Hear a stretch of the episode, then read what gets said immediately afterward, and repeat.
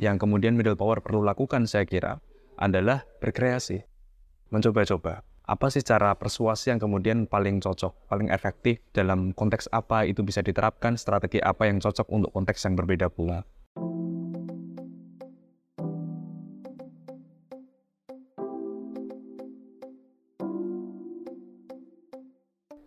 Hai friends, selamat datang kembali di podcast Hubungan Internasional.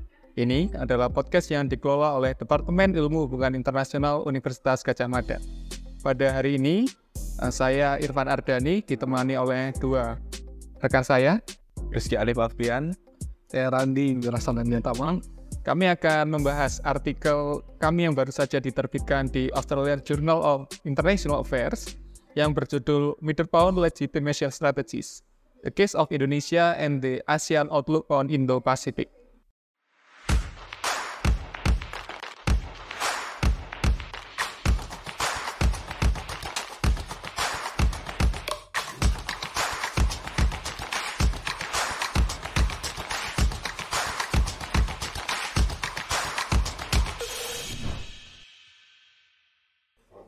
Artikel ini, saya kira banyak hal yang menarik yang bisa kita perdalam.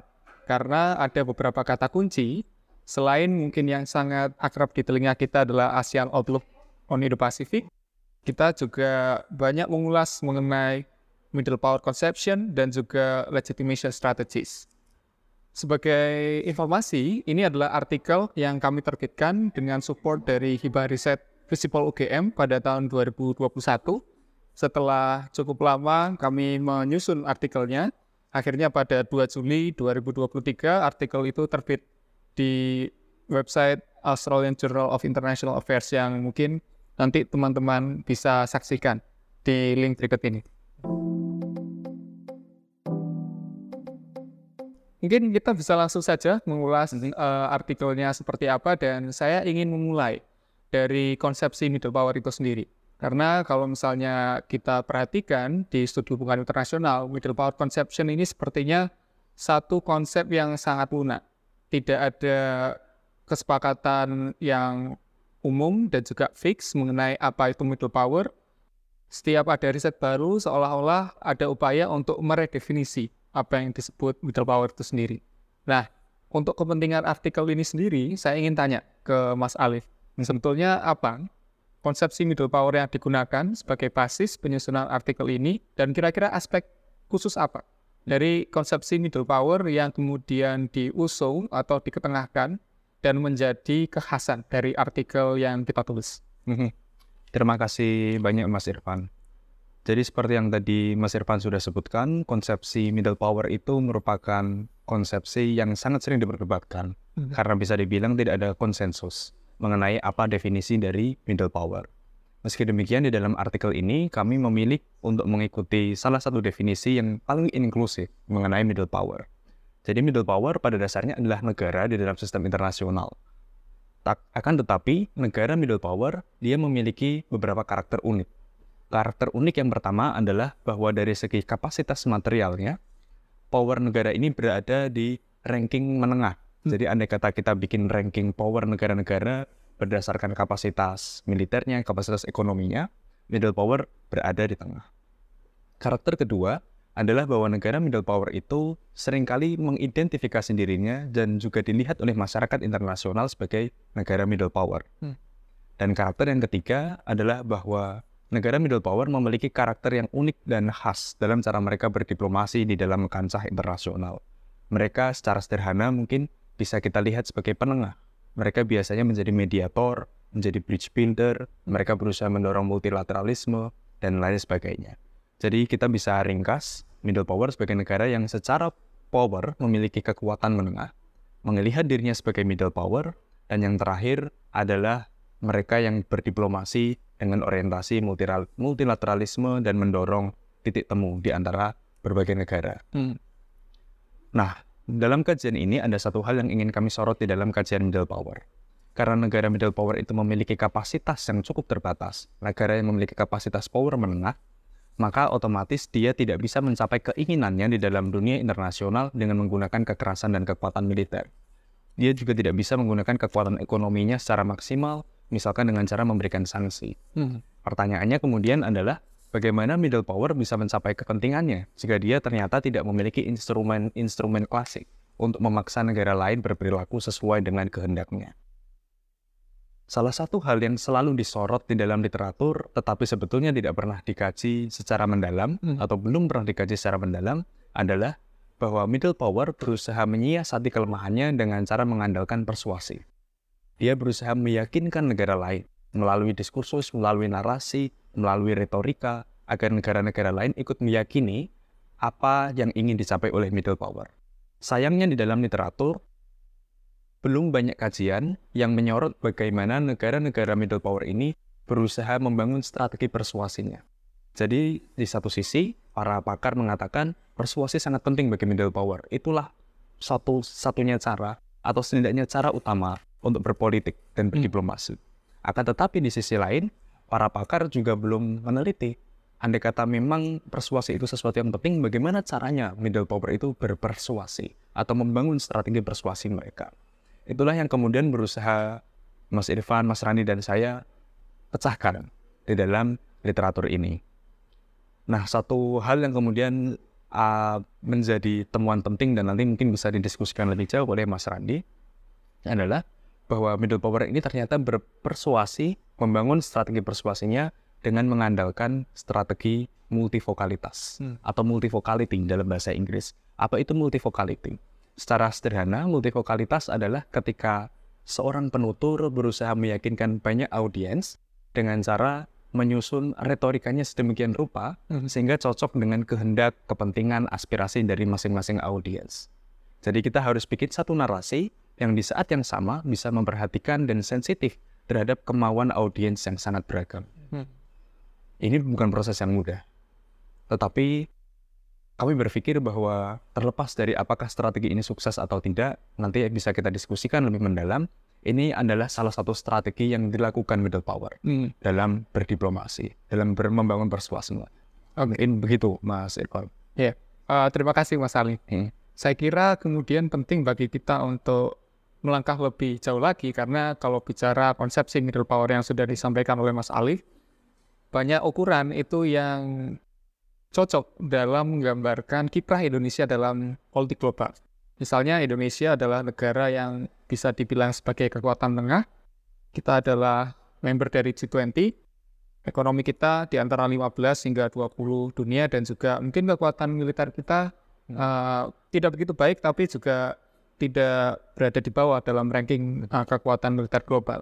Di sisi lain, kita juga bisa melihat bagaimana dalam beberapa kesempatan para foreign policy elite Indonesia mengklaim Indonesia sebagai salah satu negara middle power itu di state dengan jelas dalam RPJMN dan saya kira juga ada di visi Indonesia 2045 hmm. dan yang tidak kalah penting banyak negara yang mengulis kita sebagai middle power kita tergabung dalam MIKTA misalnya dan yang tidak kalah penting adalah dalam banyak kesempatan kita menunjukkan kiprah kita dalam melakukan middle power diplomacy melalui pengaruh utamakan multilateralisme, melalui upaya untuk bridge building dalam hmm. international conflict dan lain sebagainya. Nah, tentu hal lain yang ketika kita bicara dalam konteks uh, legitimasi strategis adalah bagaimana seorang atau suatu negara middle power berusaha untuk meyakinkan negara lain mengenai visi mm -hmm. yang ia miliki tentang bagaimana harusnya hubungan antar negara dalam politik global itu dijalankan misalnya kan. Dan di titik itu Indonesia saya kira juga punya pengalaman panjang ya bahwa kita memiliki konsepsi mengenai regional order yang misalnya dibangun di era Soeharto bagaimana Indonesia harus mampu meyakinkan negara-negara lain bahwa kawasan Asia Tenggara itu harus bebas dari intervensi negara-negara besar khususnya yang waktu itu di era Perang Dingin sangat uh, berpengaruh dalam tidak hanya politik luar negeri, tapi bahkan politik dalam negeri dari banyak negara. Ada kemudian konsepsi ketahanan uh, regional resilience ya, ketahanan regional yang diwujudkan dalam berbagai macam elemen di ASEAN. Dan kemudian saya kira itu berlanjut di era SBY, ada yang namanya dynamic equilibrium. Dan akhir-akhir ini kita melihat bahwa Indonesia terus mendorong adanya gagasan ASEAN Outlook on Indo-Pacific yang disepakati bersama ASEAN Leaders di tahun 2019. Nah, tentu ini adalah hal yang menarik karena rupanya terlepas dari perdebatan bahwa Pak Jokowi dalam administrasinya itu meninggalkan ASEAN, rupanya sejak tahun 2019 mungkin terlalu uh, berani klaim ini bahwa Jokowi tidak ke mana-mana, tetap di ASEAN dengan upaya mendorong adanya ASEAN Outlook Indo-Pasifik. Nah, lantas pertanyaan yang menarik dalam artikel ini adalah bagaimana kemudian Indonesia yang menjadi inisiator dari AOIP berusaha untuk meyakinkan negara-negara lain, baik intra kawasan maupun ekstra kawasan, untuk menerima bentuk visi regional order barunya. Mungkin Mas Randi bisa menjabarkan itu supaya kita bisa memahami secara lebih presisi. Oke, terima kasih Mas Kervan. Saya rasa ini ya menyambung juga beberapa poin yang tadi sudah disampaikan oleh Mas Irfan dan Mas Alif. Um, Indonesia sebagai middle power uh, tampaknya memang memilih untuk um, ini yang mendorong visi regional gitu dan uh, agak unik ya memang ini adalah memilih uh, visinya lewat ASEAN gitu ya dan uh, muncul dalam konsep uh, ASEAN untuk Indo-Pasifik. Dan kalau kita lihat uh, betul yang terjadi adalah uh, karakter multivocality gitu. Uh, karena ternyata Indonesia uh, terkait dengan uh, limitasi dan kemampuannya akhirnya harus mengimplementasikan uh, berbagai gitu ya setidaknya ada lebih dari satu ya ini kalau kita lihat dari riset kita ada dua strategi utama yang tampaknya digunakan dalam uh, melegitimasi um, apa uh, visi regionalnya gitu. Uh, kalau kita lihat yang pertama, misalkan ya, strategi ini sifatnya argumentatif. Ini khusus utamanya kita lihat uh, ketika mencocokkan diri dengan audiens yakni ASEAN. Yeah. Uh, karakter ini kenapa dipilih tampaknya oleh Indonesia karena karakter uh, strategi yang sifatnya argumentatif uh, sangat menekankan uh, adanya shared beliefs gitu ya. Hmm. Jadi ketika sebuah negara, sebuah aktor ingin memproyeksikan sebuah uh, ide soal uh, regional order, uh, dia kemudian berupaya untuk mengaitkannya dengan belief selama ini, gitu ya, long standing shared belief. Yang dimiliki antara inisiator dalam konteks ini Indonesia dengan audiensnya, yaitu hmm. ASEAN. Misalkan kalau kita lihat um, ASEAN Outlook on Indo-Pacific itu dalam banyak statementnya begitu ya menekankan beberapa prinsip ASEAN yang sudah ada selama ini. Hmm. Misalkan bahwa ASEAN dan prinsip ini sama-sama menghargai uh, kedaulatan wilayah gitu ya. Sesuatu yang selama ini sangat kuat dan di uh, apa dianggap sebagai elemen penting. Di sisi yang lain juga uh, komitmen untuk uh, mendorong wi, apa kondisi yang sifatnya lebih terbuka, kondisi yang sebenarnya membangun pembangunan, ya, itu kan selama ini juga uh, salah satu narasi penting yang diakui di ASEAN. Sehingga kemudian uh, secara garis besar uh, Indonesia berupaya untuk melegitimasi bahwa AOIP ini sejalan dengan shared belief yang sudah ada dan bahkan penting harus diambil uh, untuk mem menyelamatkan dan atau mempertahankan prinsip-prinsip yang sudah ada. Hmm. Hmm. Itu yang kalau kita lihat. Um, di sisi yang lain, tampaknya ada strategi yang lain juga yang dilakukan oleh Indonesia, terutama dengan audiens yang lain, yaitu China dengan Amerika Serikat dengan uh, negara-negara aliansinya. Nah, strategi yang dilakukan oleh Indonesia tampaknya agak berbeda, bukan argumentatif, tapi strategi yang kita sebut sebagai storytelling. Uh, kenapa storytelling ini yang diambil alih-alih argumentatif? Storytelling ini menggarisbawahi bahwa seorang aktor uh, penting untuk menyesuaikan retorikanya dengan audiens, terutama pada elemen-elemen yang uh, uh, bersinggungan, gitu ya. Nah, ini muncul biasanya karena tidak memiliki shared belief yang cukup banyak. Misalkan dalam konteks upaya Indonesia untuk uh, mendorong legitimasi atas AUIP ke audiens yakni Amerika Serikat, narasi yang digunakan gitu ya uh, adalah bahwa AUIP ini merepresentasikan uh, komitmen terhadap uh, liber, uh, institutional liberal order atau uh, pada aturan-aturan hukum internasional yang sudah ada. Hmm. narasi ini kan beririsan gitu ya dengan selama ini yang dipercayai uh, oleh Amerika Serikat dengan aliansinya.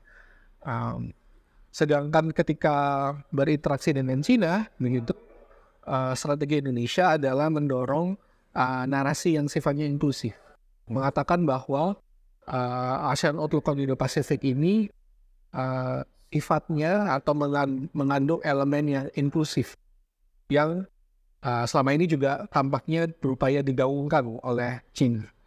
Um, yang akhirnya ujungnya storytelling ini menggarisbawahi bahwa ada realita yang hendak dikonstruksi, gitu ya. Ada realita yang hendak dibangun dan itu sangat berkaitan erat dengan um, narasi yang selama ini cukup umum di masing-masing. Dan enunciator Indonesia harus mencocokkan gitu.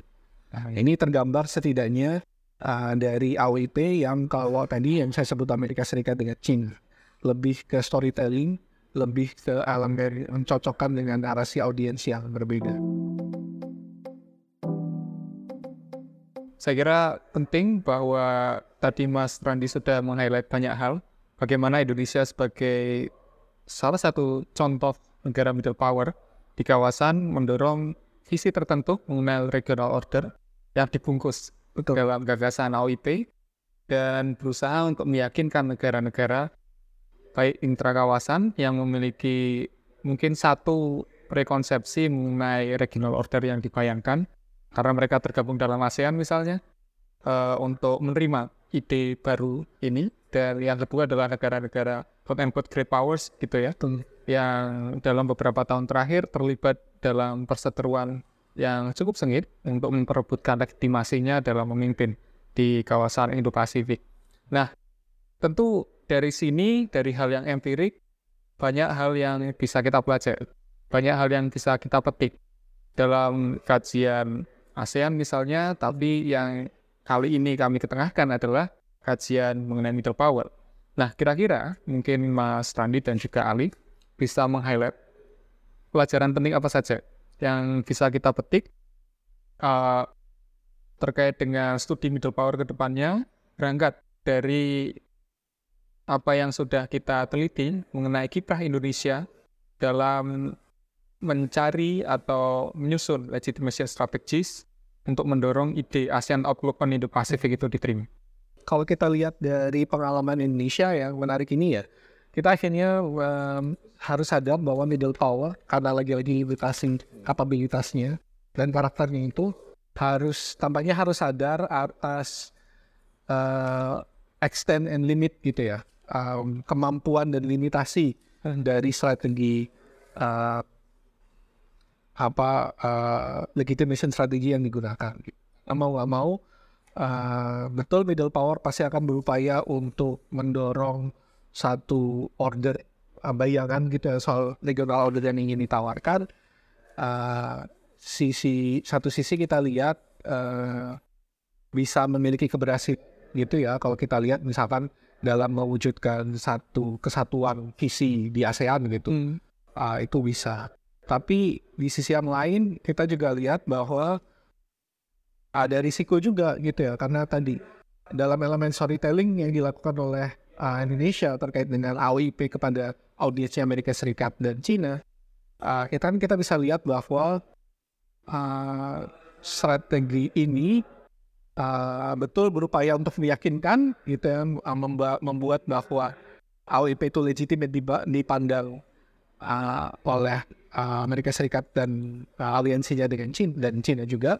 Uh, tapi di sisi yang lain kalau kita lihat di dunia yang sekarang informasi terbuka, orang kan bisa melihat ya bahwa kemudian uh, legitimation strategy storytelling yang dilakukan oleh Indonesia terkait dengan AOIP kepada Amerika Serikat sebenarnya tidak eksklusif didengar oleh Amerika Serikat juga. Hmm. Ini bisa didengar juga oleh China. Begitu juga strategi legitimasi yang dilakukan oleh uh, Indonesia kepada China gitu uh, lewat storytelling bahwa ini adalah sifatnya inklusif gitu ya itu juga bisa didengar gitu ya dengan era keterbukaan informasi. Sehingga ada risiko sebenarnya adanya dissonance.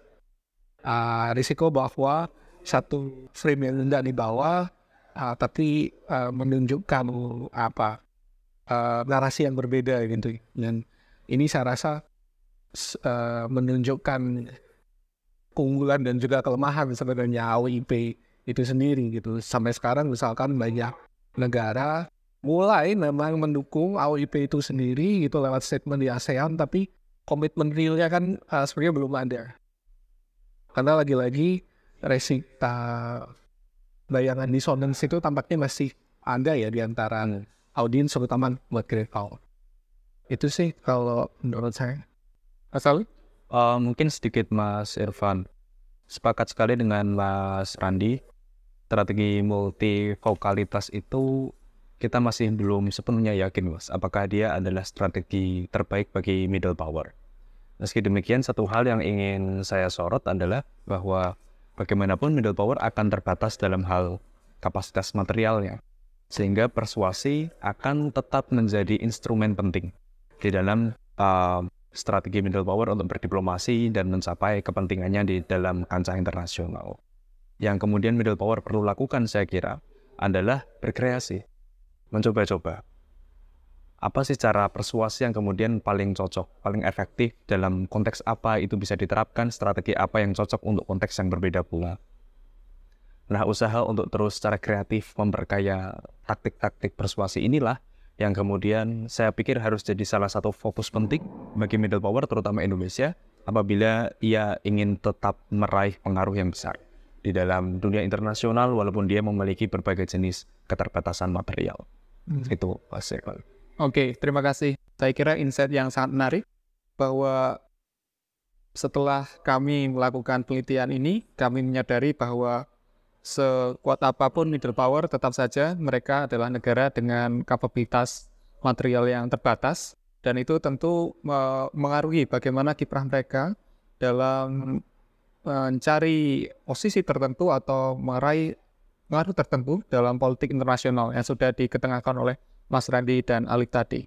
Dan saya kira satu highlight yang sangat penting untuk kita perhatikan ke depannya, baik sebagai pemerhati kajian hubungan internasional ataupun sebagai ya, pemerhati politik luar negeri Indonesia pada khususnya adalah sebagai negara middle power ketika suatu negara memiliki visi tertentu, memiliki aspirasi tertentu, dia harus terus-menerus mengasah kreativitasnya.